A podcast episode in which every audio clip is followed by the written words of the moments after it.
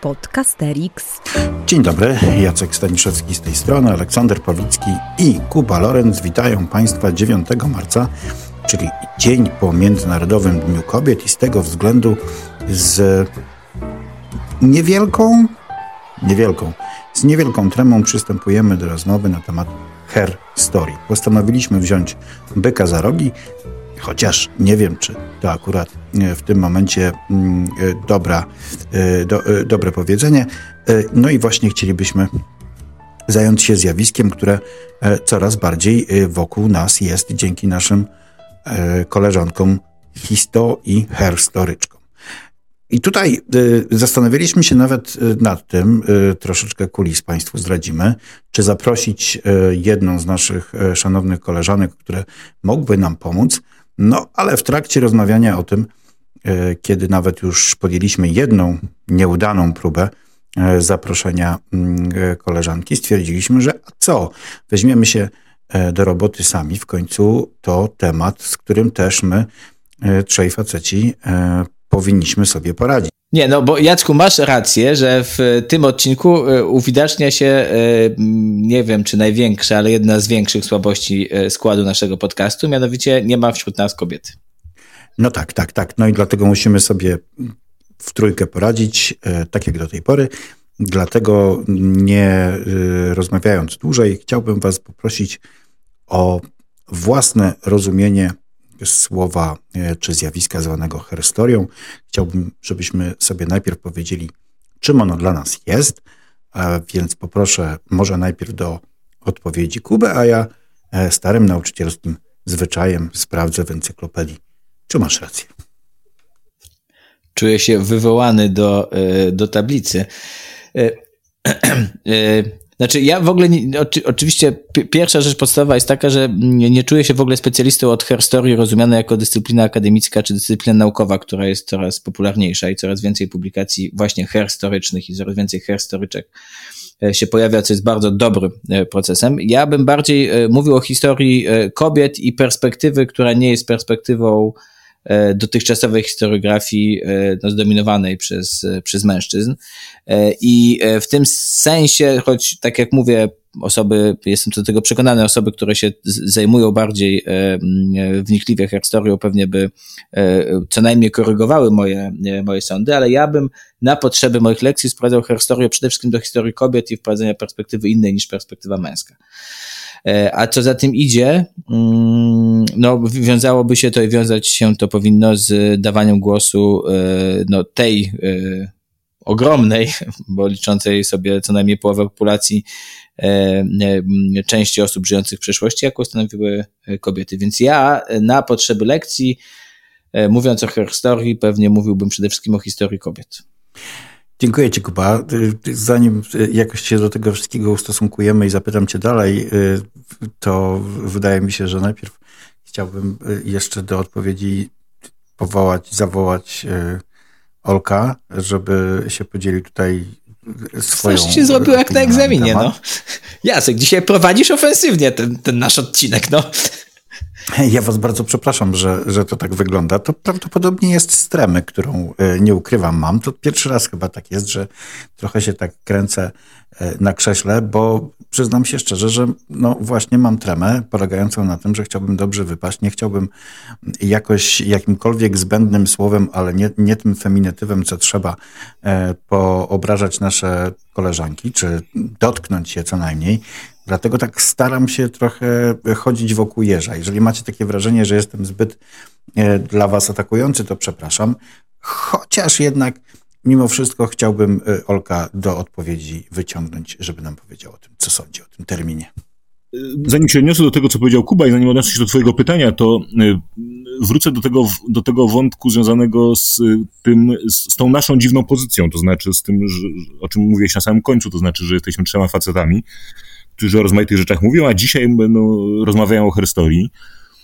I moja wątpliwość była z, związana z tym, czy mamy zapraszać, czy nie zapraszać e, e, którejś z naszych koleżanek.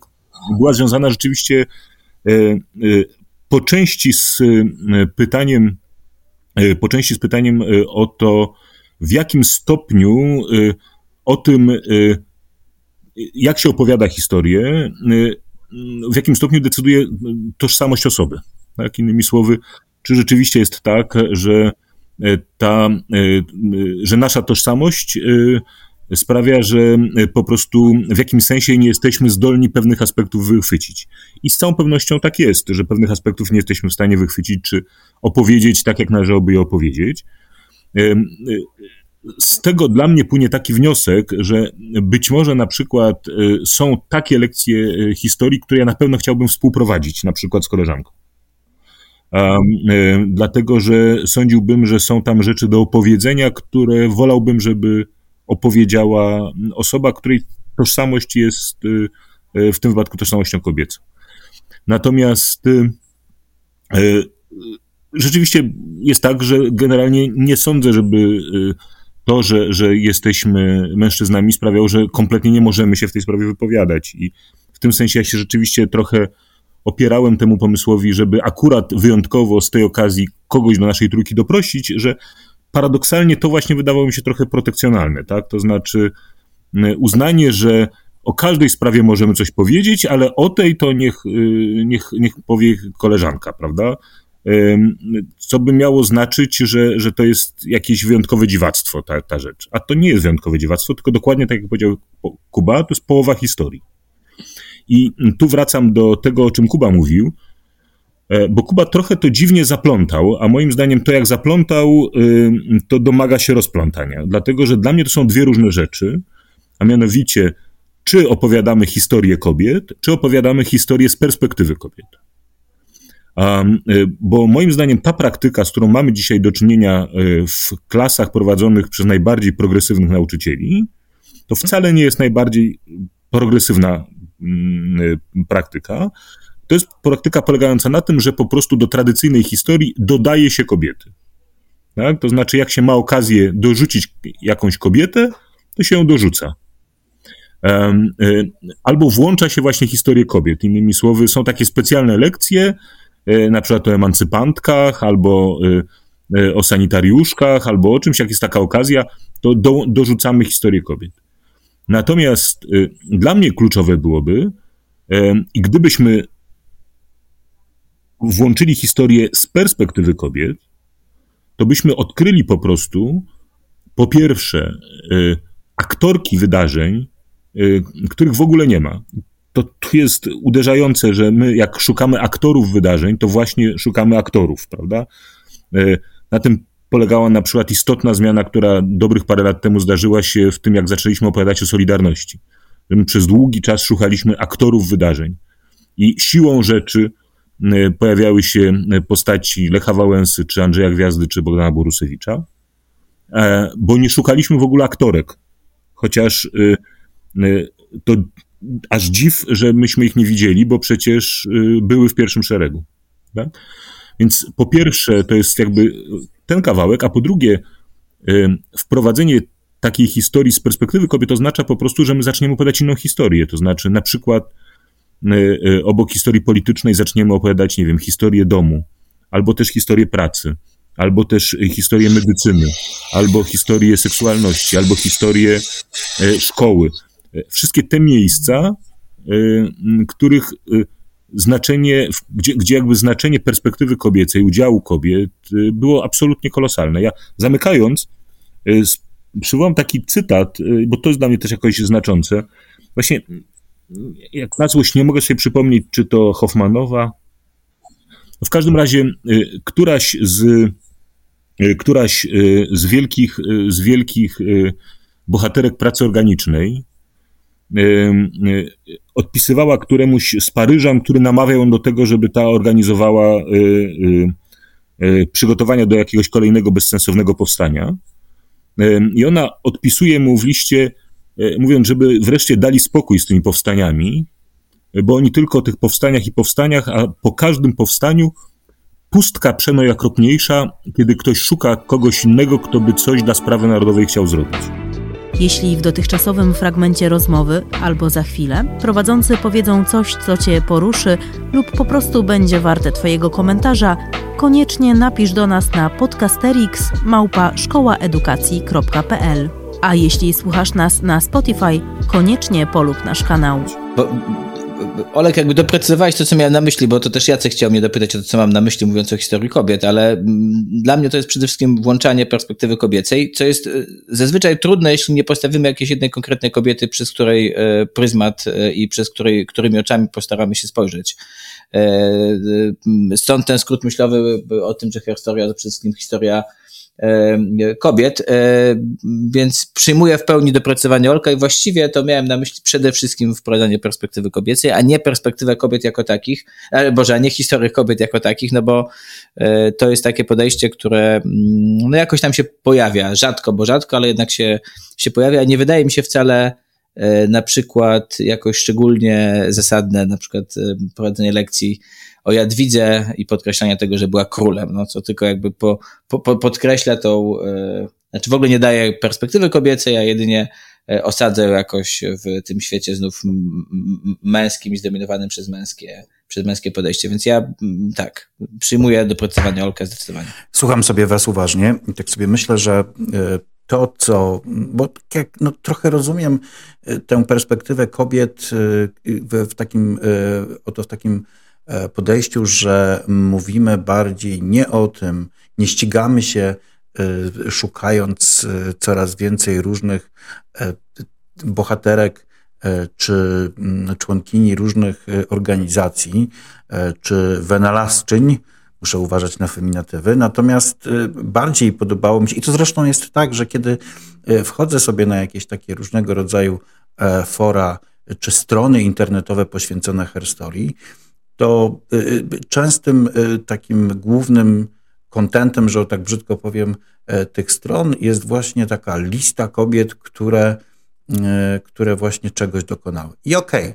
natomiast no, ja bym chyba raczej szedł w innym kierunku, to znaczy próbował e, szukać mniej lub bardziej konkretnych kobiet, e, właśnie blisko historii, ale trochę na drugim planie niestety, no bo wiadomo, kto jest na pierwszym. I takim moim przykładem bardzo charakterystycznym, dla mnie wręcz archetypicznym, mm, jeżeli chodzi o wpływ kobiet na, na historię, jest Danuta Wałęsowa, którą świetnie poznaliśmy dzięki jej e, no, e, książce sprzed e, kilkunastu lat. Dla mnie to był fascynujący obraz właśnie tej historii, którą wszyscy znamy, ale właśnie z punktu widzenia kogoś, kto ma zupełnie inne spojrzenie na, na to, co robi e, główny bohater, ponieważ jest on również ojcem, jest on również mężem, jest kimś, kto po prostu e, przeszkadza, czy robi wszystko, żeby trudnym było życie e, takie codzienne. Inną, innym podejściem, ale również fascynującym jest książka dotycząca roli żon nazistowskich oprawców, tych najważniejszych, i to, w jaki sposób one widziały to, co widziały, wpływały na swoich mężów, na ile mogły y, być y, blisko tego wszystkiego, co się wokół nich działo. Ostatnia, mm, ostatnia książka mm, Lady Sapiens z kolei pokazuje znowu bezimiennie, co jest tym razem akurat bardzo oczywiste, e, rolę kobiet y, w, mm, w, w sytuacji jeszcze prehistorycznej. To jest coś, co dla mnie jest o wiele, może teraz się narażę, o wiele bardziej y, frapujące i, y, i takie atrakcyjne, aniżeli właśnie szukanie poszczególnych kobiet, okej, okay, o których warto wiedzieć, ale tak samo warto wiedzieć o jakichś mniej znanych mężczyznach, którzy też dokonali czegoś, no ale nie zasłużyli na taki, na taki blask jak Tadeusz Kościuszko czy Józef Piłsudski. Tak sobie myślę na przykład jeszcze, pozwólcie, za, że jeszcze jedną książkę wymienię, myślę sobie też o książce, która dotyczy chłopek e, zaraz po II wojnie światowej. E, jak one miały ciężko. Z jednej strony musiały rodzić jakąś niestworzoną liczbę dzieci, z drugiej strony musiały iść na te wykopki i pracować na ziemi. To jest coś, co mi się w głowie nie mieści, ale to jest coś, co mi się w głowie nie mieściło również dlatego, że o tym nie wiedziałem. A przecież jest to kawał E, no właśnie bardzo ważnej historii. Tak, ja myślę, że w herstorii e, aplikowanej zarówno na poziomie szkolnym, jak i akademickim nie chodzi o to, żeby nagle pokazać, że e, nie wiem, jakaś postać z pierwszych stron dotychczasowych podręczników tak naprawdę nic nie zrobiła, bo zrobił ktoś inny. Tylko bardziej chodzi o to, e, żeby pokazać to, e, to, co stało za osiągnięciami tej postaci z pierwszych stron e, gazet, bo no niestety nie ma co się oszukiwać, że kobiet na pierwszych stronach gazet w przeszłości nie było.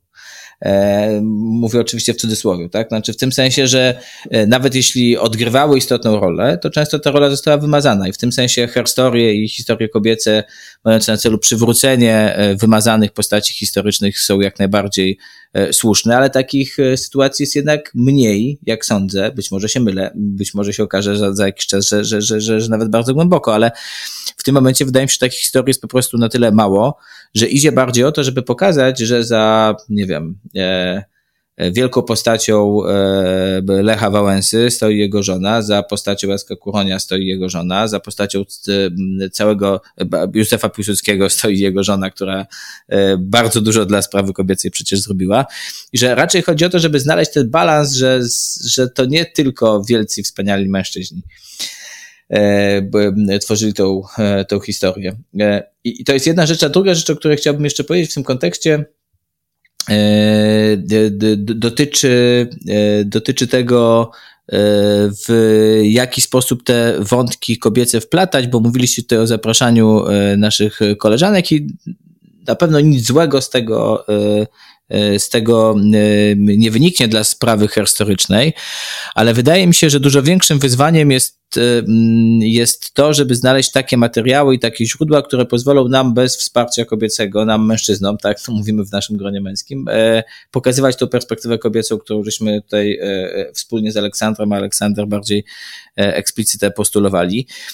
No bo bardzo często rozbijamy się o brak źródeł. To znaczy, możemy oczywiście zawsze zadać pytania, jak waszym zdaniem E, wyglądała perspektywa, e, nie wiem, żony Karola Wielkiego na jego podboje.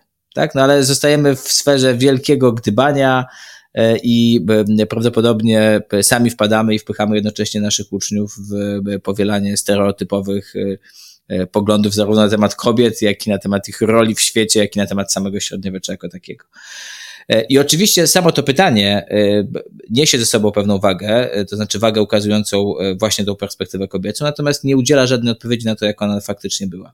Bo dysponujemy po prostu słabymi źródłami do tego. Natomiast dużo lepszy jest ku temu zasób, i jeżeli zbliża, znaczy im bardziej zbliżamy się do współczesności, znaczy tych materiałów jest jest coraz więcej. I też e, zanim wspomniałeś o książce Danuty Wałęsowej, to o niej pomyślałem jako o takim e, świetnym przykładzie materiału źródłowego, który pozwala przez pryzmat historii jednej kobiety, stąd e, od tego zacząłem mówiąc o tym, że historia to historia kobiet, pokazać no, perspektywę tejże, E, na wydarzenia, które znamy w mainstreamowej narracji z zupełnie innej perspektywy.